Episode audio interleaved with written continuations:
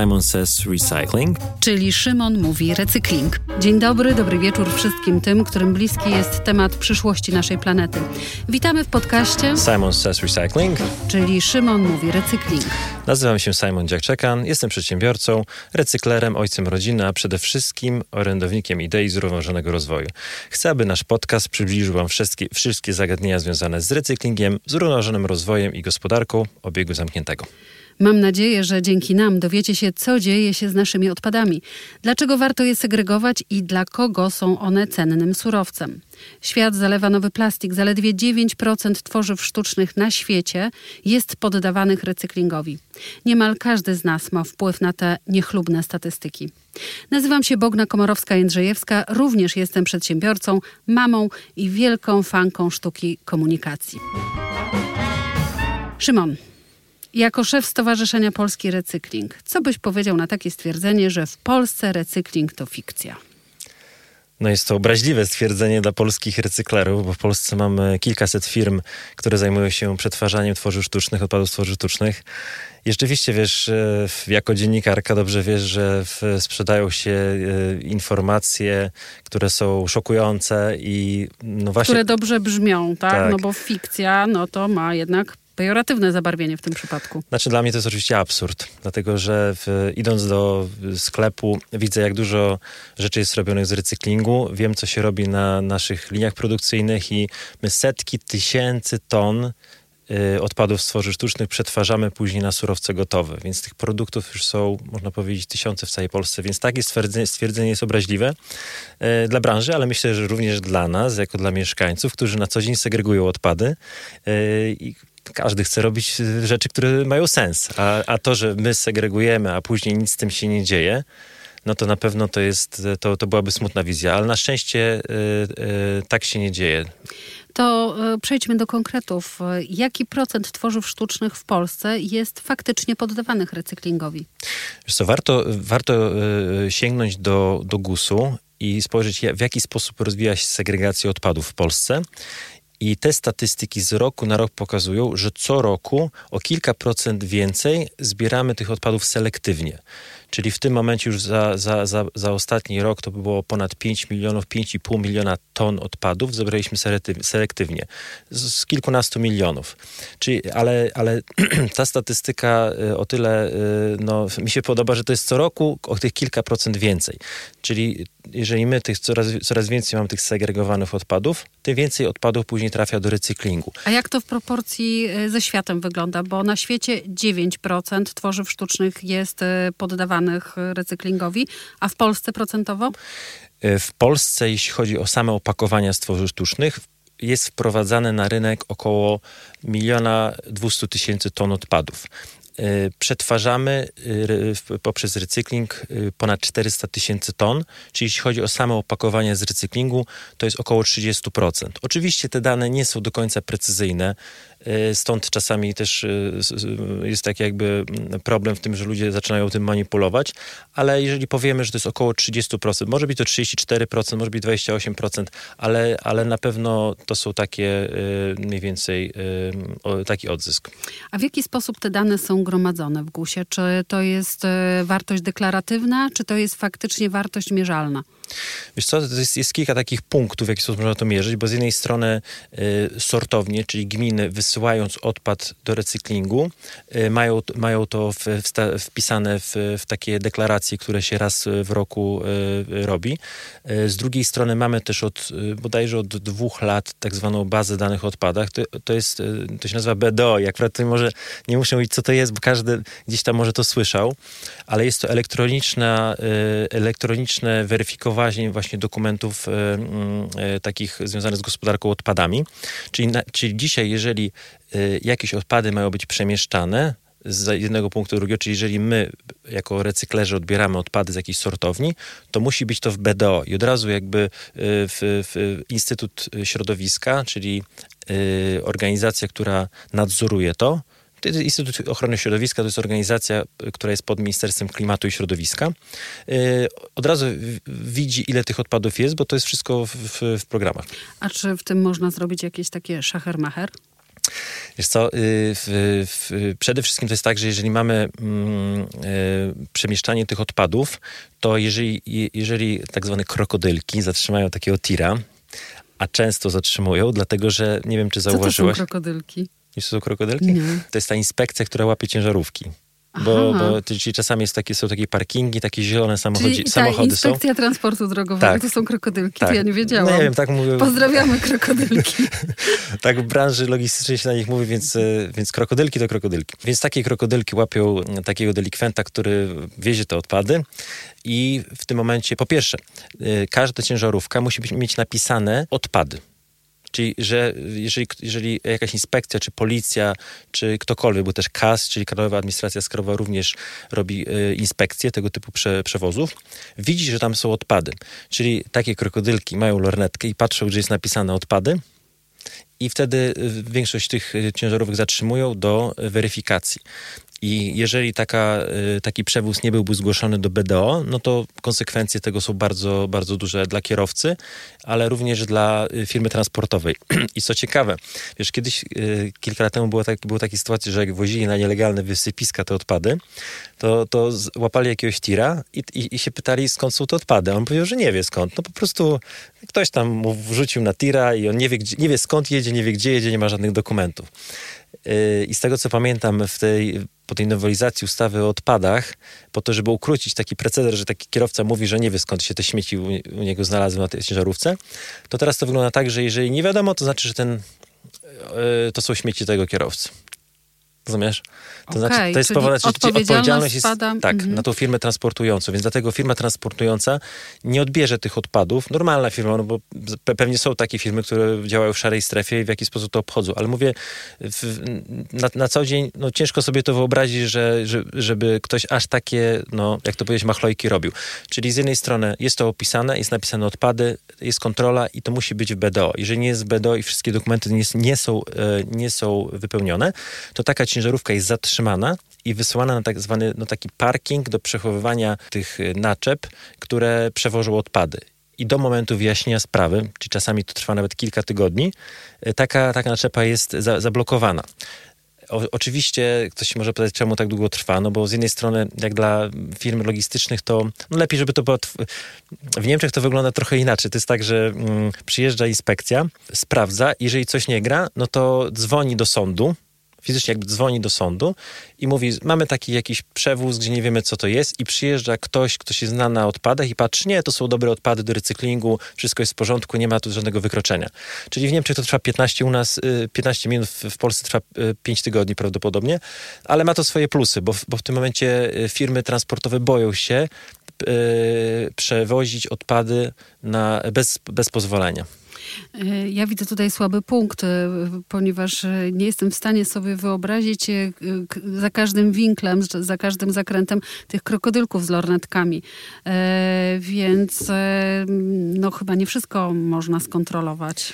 No tak, no wiesz, no tylko, że to jest tak, że pytanie, jeżeli jest weryfikacja, albo są też takie łapanki, że tak zwany WIOŚ, czyli wojewódzkie, wojewódzka ochrona środowiska, robi też takie łapanki, że po prostu sprawdzają y, wyrywkowo, albo w ogóle wszystkie ciężarówki zatrzymują i sprawdzają, co, co mają na zapakowane, bo oczywiście też, tak jak mówisz, y, można sobie wyobrazić taką sytuację, że jak ktoś nielegalnie przewozi te odpady, to przecież nie napisze na, na, na wielkim szyldzie, że wiezie odpady, no bo o, o, to, o to by w tym chodziło. E, Natomiast e, no, często słychać, raz na parę tygodni, zresztą ja followuję profil Giosiu na Twitterze i, i często, e, e, coraz częściej, na szczęście wykrywane są tego typu przestępstwa. Tym bardziej, że e, znowelizowana ustawa naprawdę nałożyła ogromne kary. Bo do tej pory było tak, że za nielegalne porzucenie śmieci był mandat 500 złotych. No ale jeżeli ktoś porzucił kontener jakichś toksycznych odpadów, gdzie zaoszczędził kilka tysięcy, no to komuś mogło opłacać za 500 złotych to porzucić. Teraz już za porzucanie odpadów są bardzo wysokie kary, kilka tysięcy złotych. Są takie e, fotopułapki, to też robi to GIOŚ. Fotopułapki funkcjonują w ten sposób, że zazwyczaj e, ludzie porzucają odpady w tych samych miejscach. I w tym momencie, jeżeli gmina to posprząta, to zgłasza tego typu miejsce, że gdzieś tam koło jakiejś drogi ktoś zrzucił odpady i zakładają tam foto, fotopułapkę. Czasami też jeszcze to wspierane jest dronem, dlatego że gość jest wyposażony w drony, które latają y, i obserwują właśnie te miejsca, gdzie nielegalnie się s- składuje te odpady. Y, No i przyjeżdża, no i w, w sieci pełno takich, że przyjeżdża jakaś ciężarówka, dwóch panów wy, wy, wysiada albo z jakąś przyczepą i bach, jakimiś widłami czy coś odpady po prostu walą w jakąś rzeczkę. E, no i w tym momencie jeszcze to oczywiście tablica rejestracyjna jest sprawa karna i to są bardzo poważne konsekwencje. Na dzisiaj za e, przestępstwo środowiskowe można iść do więzienia. Nawet na, nawet już nie pamiętam, to jest bodajże do 10 lat więzienia, może, jeżeli ktoś rzeczywiście by zatruł środowisko. Z tego, co mówisz, e, wnioskuję, że system jest e, stale uszczelniany. Tak. No ale skoro jest uszczelniany, to jest taka potrzeba, czyli są ciągle takie firmy, które starają się ten system obejść na różne sposoby. Ile w Polsce w tej chwili jest recyklerów? W ogóle, wszystkich? Jest to, jeśli chodzi o tworzywa sztuczne, to jest około 300 recyklerów. 300-350 recyklerów. Mhm. A jak sądzisz, y, czy ten nielegalny proceder, y, bo to nie tylko chodzi o szachermacher z ciężarówkami, ale można też y, dokumenty prawdopodobnie, jak w każdej innej branży, mm, dokumenty fikcyjne podkładać. Jak sądzisz, czy to jest wykrywalne i czy to może być duży procent, czy też znikomy? Uważam, że kilka lat temu to był ogromny problem ten problem w związku z tymi nowelizacjami troszeczkę ty, tą, tą szarą strefę pozamykał. E, natomiast zawsze istnieje ten problem. Jak, pamiętam jeszcze, jak byłem na Komisji Ochrony Środowiska i któraś z posłanek powiedziała, że my zaostrzamy przepisy dla tych, którzy legalnie prowadzą biznes, Czyli tak, takie dała porównanie, że my, y, tak jakby ktoś, jeśli chodzi o jeżdżenie samochodem, my chcemy, żeby na prawo jazdy to te testy trwały tygodniami, wszyscy się uczyli, że były bardzo rygorystyczne egzaminy, ale przecież przestępcami na drogach są osoby, które nie mają prawa jazdy. I to jest trochę podobnie, tak, że tutaj te, te ustawy poszły w kierunku tego, że no, te przedsiębiorstwa, które działają legalnie, y, ponoszą te wszystkie konsekwencje, a nadal istnieje szara strefa, która to, oni, dopóki się nie złapie, to, no, to oni działają właśnie, no... No tak. Under the law. Ale wiesz co, jeszcze pociągnę mm -hmm. chwilkę ten temat, bo my kilka lat temu jako Stowarzyszenie Polski Recykling zrobiliśmy takie badanie, skąd się mogły wziąć te nieprawidłowości w, w tym potwierdzaniu recyklingu. I zbadaliśmy wszystkie decyzje, które zostały wydane w Polsce w ostatnich kilku latach i wyszło, że tych decyzji wydanych było prawie 700. Czyli my wiemy, że tych recyklerów jest było już wtedy o połowę mniej, ale były firmy, które nie miały strony internetowej, e, e, nie odbierały telefonu, bo obdzwoniliśmy wszystkie, bo stwierdziliśmy, że jest jakaś firma recyklingowa, to, że ona istnieje. No to jak istnieje, to można się do niej dodzwonić, jakiś tam właściciel i tak dalej. Więc jak obdzwoniliśmy te 600 firm, to się okazało, że tylko można powiedzieć połowa mm, istnieje. I, bo, bo, dla nas, jako dla branży, jako dla polskiego recyklingu, to było bardzo mm, no, czarny PR, tak? No, jeżeli mówią, że są jakieś DPR-y lewe i tak dalej, czy te potwierdzenia recyklingu są fikcyjne.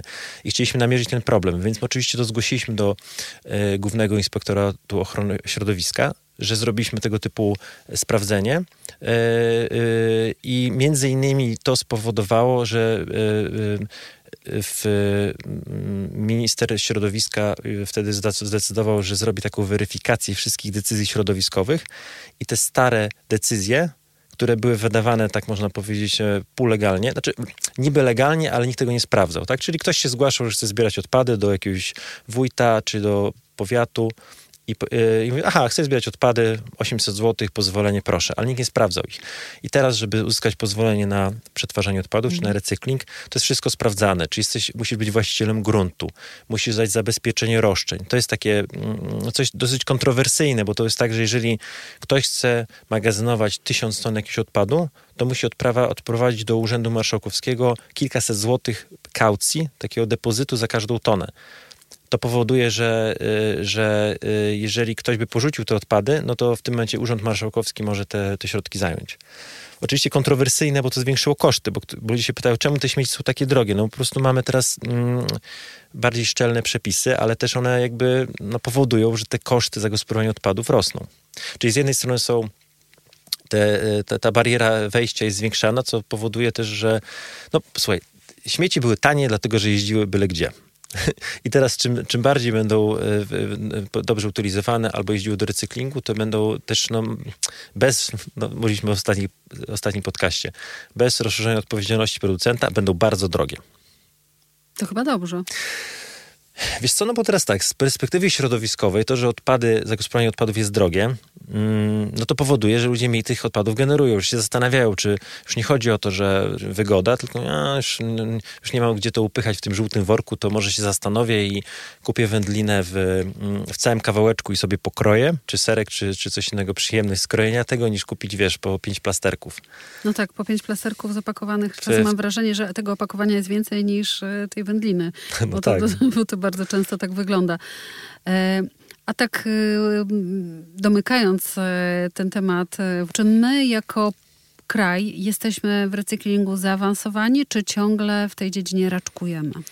Wiesz co, u nas od lat 90. ta branża recyklingu się rozwijała, tak samo istnie, więc w zasadzie we wszystkich frakcjach, czyli w, w papierze mamy mamy duże tak zwane papiernie, które te odpady makulatury przetwarzają.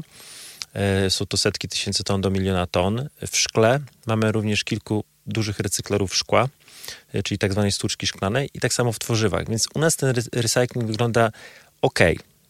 E, natomiast no, powinien, powinien te, te, te poziomy powinny być znacznie wyższe.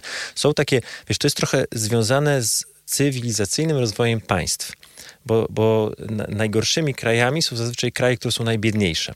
Czyli mamy takie kraje y, na przykład jak Nigeria. W, w, Nigerii w zasadzie większość tych odpadów jeździ na, na składowiska. W południowej Ameryce, dajmy to w Chile, Y, pomimo że w miarę rozwinięty kraj, 99% jeszcze jakiś czas temu jeździło na składowiska, zero recyklingu. Nawet w takiej Turcji, która y, produkuje maszyny do recyklingu, które my na przykład kupujemy w Polsce czy w, w Europie, ale ponad 90% y, jeździ na wysypiska. W Grecji tak samo. W Meksyku recykling jest na poziomie 5%. No i dochodzimy do największego producenta wszystkich śmieci na świecie prawdopodobnie, czyli Stanów Zjednoczonych. I tam recykling tworzyw sztucznych jest na poziomie 8,7%. Tam rzeczywiście takie są oficjalne dane. No bo u nas rzeczywiście dane się pokazały, że, że czasami się pokazują, że mało mamy tego recyklingu, ale to są po prostu złe założenia. Ktoś źle po prostu przeanalizował to. Czasami jest tak, że ktoś weźmie wszystkie plastiki, które są, czyli tworzywa sztuczne, które są wprowadzane na rynek, no ale mamy na przykład rury PVC, które idą do kanalizacji, te rury leżą w tej ziemi 50 lat. Więc nie możemy liczyć, że my nie robimy recyklingu, no bo są produkty, czy nie wiem, samochody, które wykorzystujemy kilkanaście lat, czy sprzęt RTV AGD. To nie jest coś, co jak prowadzimy milion ton tego, to mówimy, aha, nie ma recyklingu. Ostatnio było z panelami taka historia fotowoltaicznymi, że mieliśmy narzucone przez Unię Europejską e, poziomy do recyklingu paneli, ale jeszcze tych odpadów nie wygenerowaliśmy, bo u nas to panele, wiesz, w, w, na zachodzie weszły kilkanaście lat temu, więc oni już zaczęli je wymieniać, a u nas są od kilku lat i to jeszcze te pierwsze które, panele, które założyliśmy, jeszcze nie trzeba podać recyklingowe, a normy już są. A propos paneli, e, a propos paneli, to tam już zdążyli na zachodzie wymienić, a my zdążyliśmy od nich je odkupić, chciałam powiedzieć, ponieważ e, Polska jest jednym z krajów, który mm, bardzo jest zainteresowany odkupowaniem e, paneli zużytych. Wiesz co, to co jeszcze jest, dopóki one będą wykorzystane ponownie, to jest w porządku, ale ja kilka lat temu miałem spotkanie, mm, byłem w Niemczech i e, ktoś z, branży gospodarki odpadami powiedział, że w, w, w, Polsce macie recykling turbin wiatrowych. A ja mówię, hmm, to ciekawe, bo ja jestem w tej branży od tylu lat i ja jakoś tam nie pamiętam żadnego zakładu, który te turbiny wiatrowe y, przetwarza. A co się okazało, że po prostu znaleźli, znaleźli się jacyś, na pewno nie recyklerzy, tylko, no nie przetwarza, recyklerzy przetwarzają odpady, tylko jakieś firmy, które mówiąc Niemcom, że będą poddawali to recyklingowi, przyjeżdżali na takich wielkich ciężarówkach, te przy, przy, przywozili i składowali. Po prostu mieli jakieś podpisane umowy albo bez umowy na jakieś wysypisko i to po prostu rzucali te wielkie wiatraki ekologiczne. Więc e, no swoją drogą, jeśli chodzi o wiatraki, o turbiny, no to mm, wiesz, to jest bardzo, musi być bardzo wytrzymałe e, te kompozyty i no, jeśli chodzi o recykling tego, to, to na pewno jest duże wyzwanie dla świata. A, nie, nie ciągnijmy na razie. Tak, wracamy, wracamy do tego. Czyli mówiliśmy tak. o krajach, gdzie jest bardzo źle z recyklingiem. Możemy I... powiedzieć o, kraj, o krajach, w których jest całkiem dobrze albo bardzo dobrze z recyklingiem. No właśnie, ale to ja mam to pytanie, jak my wyglądamy na tle całego świata? No to przykładowo, jeśli mówimy, że u nas jest to około 30%, e, w, w takich e, mało rozwiniętych recyklingowo krajach jak Meksyk, Stany Zjednoczone czy Nigeria e, jest to kilka procent. W Niemczech jest to około 50% jeśli chodzi o wszystkie odpady, natomiast jeśli chodzi o odpady z... z Tworzyw sztucznych? E, jeśli chodzi o odpady z kaucji, czyli te mhm. butelki aukcjonowane, to jest prawie 100%. W Belgii to jest 50%, e, w, mm, w, niektórych innych zachodnich krajach jest to też A Szwecja? Około, w Szwecji to jest ciekawy kraj w tym kontekście, że tam bardzo mają dobrą zbiórkę. Czyli tam no 99% odpadów jest e, zagospodarowanych poprzez odzysk i recykling. Problem w tym, że też y, kilka lat temu mieli swoje problemy, że część y, raportowali jako recykling, a, a robili odzysk. Czyli nie tak jak u nas, że raportowali jak recykling, tylko robili wysypisko, tylko że y, wysyłali do spalarni a potwierdzali recykling. Wielka afera była kilka lat temu.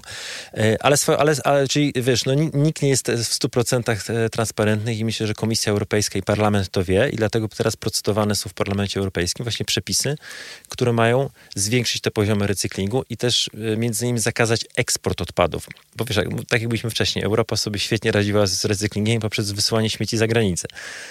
Y, więc wracając, jesteśmy gdzieś tam ani na dole, ani na górze, y, ale mamy bardzo duży potencjał, bo jeśli chodzi o te zakłady, które mamy, to są naprawdę, no mamy takie czasami wizytacje z zagranicy i mamy bardzo dob dobrze, trochę jak z autostradami. Nie było ich, nie było, a teraz jak już zrobili, to, to, to są bardzo, bardzo nowoczesne. Tak samo z niektórymi wiem, biurowcami, tak jak my widzimy, co się dzieje w Warszawie, w innych miastach. Że mamy bardzo nowoczesne i na nowoczesnych technologiach inteligentne są te, mm, te inteligentne domy czy inteligentne biura.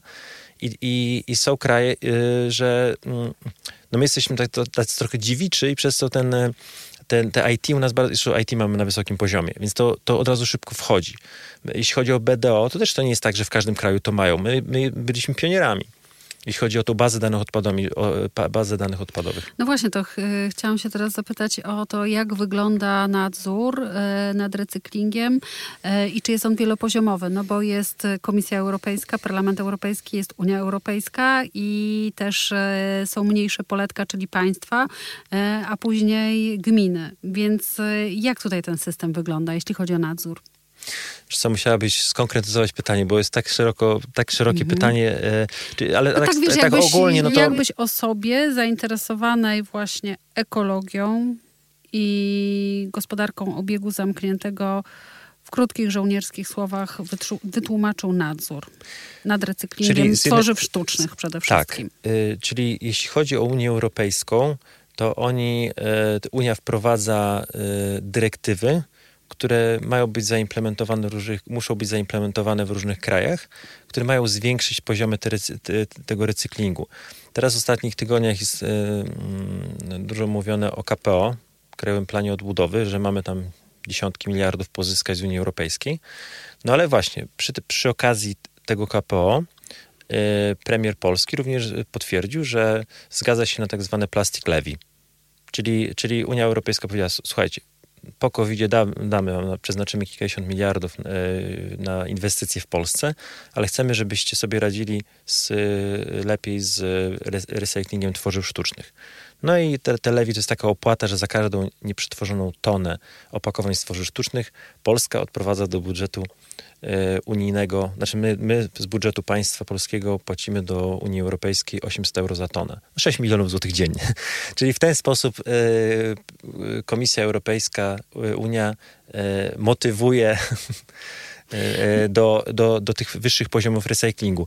Natomiast jeśli chodzi o, jeszcze mamy poziomy tak zwane gminne, czyli gminy mają obowiązek w, w te poziomy recyklingu y, spełnić. Jeżeli nie, to, to płacą kary. No, na przykład dwa lata temu była taka sytuacja, że gminy skosiły do ministerstwa, że nie dadzą rady z tymi, bo są problemy po COVID i z tego co wiem, ministerstwo przełożyło to, ale to jest kwestia czasu. Tak, no.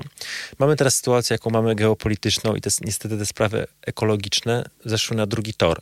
Ale to jest tylko takie złudzenie. Za chwilkę, mam nadzieję, wojna szybko się skończy, a, a, a my zajmiemy się odbudowaniem gospodarki, i, ale już gospodarki obiegu zamkniętego. Szymon, mamy pytanie od jednego e, z naszych słuchaczy. Przy okazji bardzo się cieszę, że mamy słuchaczy. To jest dobry znak. E, uwaga, cytuję pytanie w całości. Zawsze mnie interesowała droga moich śmieci z Kubła. Co tam się dalej z nimi dzieje? Interesuje mnie droga z Kubła przez odzysk do produktu. Jak to wygląda? W domu czy w domu, czy, czy, czy w mieszkaniu, segregujemy na, na pięć frakcji. Żółte, zielone, niebieskie, brązowe wiemy, i czarne. Tak, to już wiemy. I, zale- I później to jedzie do sortowni i w zależności od tego, jak to jest... Czy Ale nie to po kolei, Simon. W domu segregujemy. Zanosimy do miejsca, gdzie później to jest odbierane. Czyli punkt zbiórki w budynku, tak, czy też tak. przed domem e, mamy. Gmina, gmina, e, gmina zazwyczaj, znaczy można powiedzieć tak, gmina sama tych obowiązków nie wypełnia, tylko, tylko, tylko robi przetarg na odbiór odpadów komunalnych.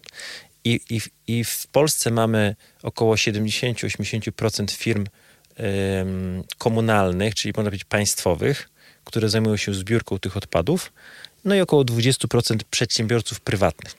Czyli przykładowo albo jakaś gmina, w tym momencie jesteśmy e, na Pradze, czyli na Pradze raz na jakiś czas jest rozpisany przetarg. I firma, która ma najlepszą cenę, czy najlepszą jakość usług i tak dalej, wygrywa przetarg. I później ta firma w imieniu gminy, zazwyczaj to jest e, firma, nie wiem, MPO, czy, czyli komunalna jakaś firma, albo prywa, prywatna firma podpisuje, że w danym roku z tego na przykład regionu miasta będzie odbierała te odpady. No i ona wysyła harmonogram do pani Bogny, e, która wie, że tutaj ma e, przygotować te odpady. Znaczy zależy, że to są mieszkania, to wiadomo, że to musi ktoś z, ze wspólnoty mieszkaniowej. Tak, tak, tak, że, tak, tak, że wtedy wystawiał na przykład żółte pojemniki, zielone, niebieskie, w różne dni są różne odbiory. W mieszkaniach tak dużo jest tych odpadów, że w zasadzie codziennie E, te odpady są odbierane. Czyli przyjeżdża firma wyspecjalizowana, która się zajmuje zbiórką odpadów i e, odbiera odpady, które jadą na sortownię. Coś jeszcze? No tak, y, te odpady jadą na sortownię i to jest tak, że są e, albo różne te ciężarówki, które odbierają e, to tworzywa sztuczne, papier czy szkło, e, albo jest to jeden kontener w środku z komorami, tak? tak to, jest, to jest chyba bardzo ważne, że mm, nie do końca to jest tak, że wszystkie śmieci trafiają do jednego kontenera, bo już o tym nieraz rozmawialiśmy tak, i właśnie, śmialiśmy się z tego. Tak, oczywiście nawet ostatnio jak, jak miałem live'a z, z panią Moniką, czyli z panią na, od odpadów. Tak, czyli tak. pani od odpadów na Instagramie. Którą pozdrawiamy. Tak, serdecznie pozdrawiamy. Y, to, to Monika powiedziała, że nawet planuje zrobić takie, mm, takiego live'a na, na Instagramie, pokazując y, ciężarówkę, śmieciarkę dwukomorową, że tutaj idą czarne, a tutaj żółte czy, czy inne. Żeby pokazać ludziom, że coś takiego istnieje. Bo, tych, y, bo to jest bardzo praktyczne. To znaczy, że jeżeli po co ma śmieciarka dwa razy jechać pod jakąś lokalizację, zbierać czarny pojemnik i e, segregowane. Lepiej, żeby zaoszczędzić. No przecież mówimy o ekologii, mówimy o ochronie środowiska, to po co ma jeździć pięć śmieciarek, jak mogą jeździć dwie dwukomorowe, dajmy na to. Czyli y, wszystko nie trafia do jednego pojemnika, nie. na jedno wysypisko śmieci. Okej. Okay. I teraz mamy ten odpad, który trafia do sortowni. E, no i jak to tam w sortowni wygląda? No i w sortowni, w zależności jaka, jaka to jest frakcja, e, to czy, to, czy są tworzywa sztuczne, są, są przykładowo są sortery, które odsortowują, w żółtym pojemniku mamy tworzywa sztuczne i metal. I oczywiście są metale żelazne i nieżelazne. Więc odpowiednie sortery wyciągają z tych, e, z, z, tych, z tych odpadów przede wszystkim metale, żelazne, nieżelazne i później tworzywa sztuczne y, idą dalej i są odsortowane na kolejne frakcje, bo w tworzywach sztucznych mamy kilka frakcji. Mamy polipropylen, polietylen, folię polietylenową, y, polistyren, czyli jest to 7-8 frakcji, na które są, jest to dzielone i później te już frakcje, na frakcje to się mówi, czyli de facto no, mm, surowce wtórne o danej charakterystyce, są wysyłane do zakładu recyklingu. I w tym momencie do, nie wiem, przykładowo w, w jednym mieście mamy zakład recyklingu folii, w innym mieście mam zakład recyklingu butelek. Zazwyczaj to są wyspecjalizowane zakłady. To nie jest tak, że jest jeden zakład recyklingu plastiku i tam wszystko się wrzuca, bo po prostu tworzywa sztuczne są, mają różną formę. Okej, okay, i to jest e, posortowane. I teraz co się dzieje z materiałem posortowanym? Yy, czyli tak, jeżeli przykładowo my jako recyklerzy jedziemy, jedziemy na sortownię kupić, to troszeczkę jakbyśmy jechali do supermarketu może kiedyś wrzucimy na, e, na Instagrama, tak jak to wyglądają te, Tak, te, tak, te tak, butelki już zdecydowanie. przesortowane. I to jest tak, że my, my przyjeżdżamy i mamy tak, stoi karton, e, w, w takich e, komorach jest szkło, e, zielone e, albo transparentne, albo niebieskie i są tworzywa. Jest folia już zbelowana, czyli sprasowana. Takie, be, takie belki mm, po około 1000 kg, których się tam mieści w, dosyć dużo na... Bo to jest sprasowane, tak? No po co wozić folię, która jest luzem? Tak. To jakby folię luzem rzucić na jakąś tam y, przyczepę, to się zmieści 5 ton, a jeżeli się sprasuje, to się zmieści y, 20 ton. Więc my przyjeżdżamy do takiej sortowni jako recyklerzy i mówię, o ja poproszę tego, y, tego, y, mm, ten ładunek, ten ładunek i ten ładunek. Czyli poproszę, nie wiem, zieloną butelkę PET, y, 20 tysięcy kilogramów, poproszę y, 30 tysięcy kilogramów tego mm, na przykład tej jakiejś tam folii czarnej, rolniczej i tam i tak, i tak dalej, i tak dalej. I na przykład y, poproszę jeszcze 10 ton y, tych pojemników po szamponach. I wtedy przyjeżdża ciężarówka. Oczywiście my nie wieziemy tego jakąś przyczepką, tylko zamawiam firmę logistyczną, która ten odpad y, transportuje do naszego zakładu recyklingu i my go przetwarzamy w tym momencie w kolejnym procesie. No właśnie, w kolejnym procesie, na czym polega ten proces? Jak to wygląda? To wjeżdża do jakiejś maszynki i wyskakują takie, Granulki. takie cukiereczki. Tak. E, No dobrze, tylko żeby nie było tak pięknie, to jeszcze ten odpad, ten surowiec skórny, który przyjechał z tej sortowni, no sortownie są sortowniami, a nie są recyklerami, więc e, nie znają się na przetwórstwu tworzyw sztucznych. Tylko znają się na, na zbieraniu odpadów, śmieci z, e, z gospodarstw domowych czy czy z przemysłu. No i e, można powiedzieć, starają się robić, jak przesortować jak najlepiej potrafią, ale nie w 100%. Więc przesortują to tak w 90%. Czyli nam zostaje jeszcze około 10% tak zwanego balastu. To zależy w niektórych frakcjach, tych, czyli w niektórych tych opakowaniach jest to 5%, w niektórych 15%. Czyli to, co do nas przyjeżdża, jeszcze raz trafia na linię sortowniczą, ale już stricte do tworzyw sztucznych. I wtedy my odsortowujemy. Jeżeli, jeżeli jest to folia, to my odsortowujemy od niej butelki, jakieś szkło. Czyli jeżeli mamy, w- czyli w tworzywach sztucznych, można powiedzieć, odpadem będzie, będzie szkło i będzie papier. Czyli odsortowujemy z tych butelek papier, szkło.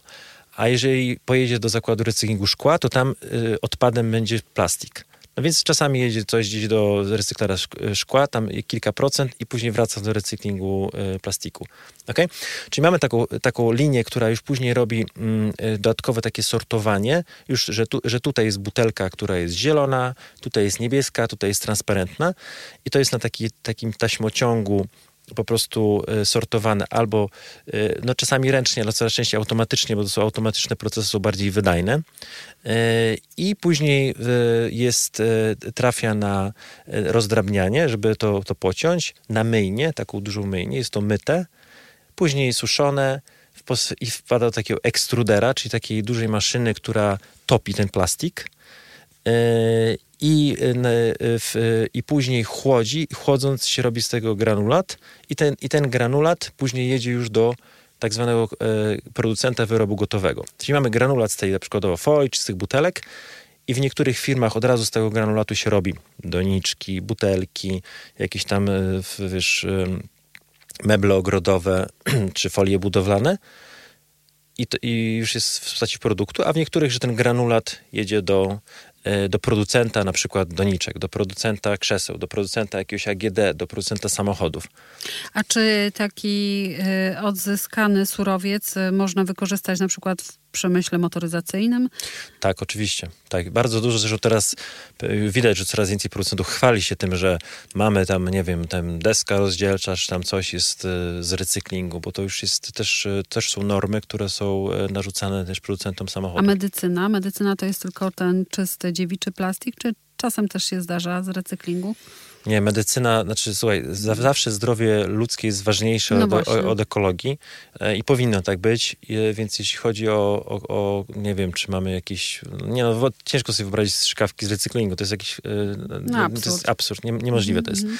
Czyli branża medyczna tylko i wyłącznie bezpieczeństwo ludzi jest najważniejsze i wszystko jest 100% z tego pierwotnego plastiku, z tego nowego plastiku. I tak powinno być. I tak samo jest z odpadami medycznymi, że te odpady medyczne tylko mogą być spalone. Może być spalarnia do odpadów, powinna być spalarnia Okej. odpadów medycznych, e, a nie, nie, nie powinny być te, te, te surowce odzyskiwane. E, ale wiesz co, interesuje mnie, y, jak później to do nas wraca, czyli później znowu, i tutaj mamy cały schemat już gospodarki obiegu zamkniętego, ponieważ y, znowu kupujemy na przykład e, foliowe te siatki, w których przynosimy e, znowu sobie, przynosimy do domu supermarketu e, produkty, które zakupiliśmy, tak.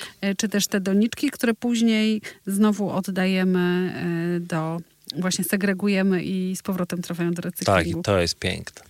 Czyli to pokazaliśmy, czyli w tym momencie ty, ty namalowałeś słowami cały obraz GOS, gospodarki obiegu zamkniętego. Tak, nie, nie, wiem, czy na, czy, na, czy na Spotify można zwalniać, bo jak za szybko mówiłem, to można, bo wiem, że na YouTubie można wolniej. ale, ja, ale nie, no wiadomo, proces jest a ja myślę, że to jest inspiracja i ja myślę i mam taką nadzieję, że od e, następnego naszego sezonu e, wprowadzimy jeszcze wideo. E, I będziemy rozmawiali e, również i będziemy mogli także pokazać obrazki, więc e, myślę, że wszystko przed nami. Super, wiesz, bo ostatnio się przyznałem e, e, właśnie na tym live u koleżanki od pani od odpadów, że przez wiele lat mieliśmy swoje PR, bo zajmowaliśmy się przetwarzaniem odpadów z tworzyw sztucznych, a, a nie myśleliśmy o PR-ze, a teraz się okazało, że, że, że ludzie nie wierzą w ogóle, że my istniejemy. Trochę jest, zaczynamy być jak święty Mikołaj, tak? E, albo jak Yeti, że wszyscy o o nim słyszeli, ale nikt go nie widział. Więc e, na pewno mamy trochę do zrobienia, ale jest, myślę, że jesteśmy na dobrej drodze i, i będziemy też apelowali wiesz, do różnych dziennikarzy i też do polityków, do wszystkich, żeby się tym tematem zainteresowali, bo możemy być pionierem w, w recyklingu i może, może być to nasz produkt eksportowy, bo przecież wracając do tego granulatu, to my znaczną część, są, są niektórzy nasze, nasi członkowie stowarzyszenia, że ponad 80% tych granulatów z recyklingu wysyłamy na eksport. Bo to są duże rynki eksportowe, tak? Czy Niemcy, Holandia, y, Szwajcaria, y, w, no, po, całe, po całym świecie wysyłamy, tak? Więc to, to może być najlepiej właśnie te odpady przez nasz surowiec, który sami możemy przetworzyć i wysłać jako produkt eksportowy. Czyli krótko mówiąc, mamy misję, misję, gdzie pokażemy, że nie dość, że recykling e, tworzyw sztucznych i nie tylko e, jest ważną gałęzią gospodarki, ale też możemy pokazać e, naocznie i nausznie, że recykling to nie fikcja, to fakt. Recykling to fakt. Simon says recycling. Czyli Szymon mówi recykling.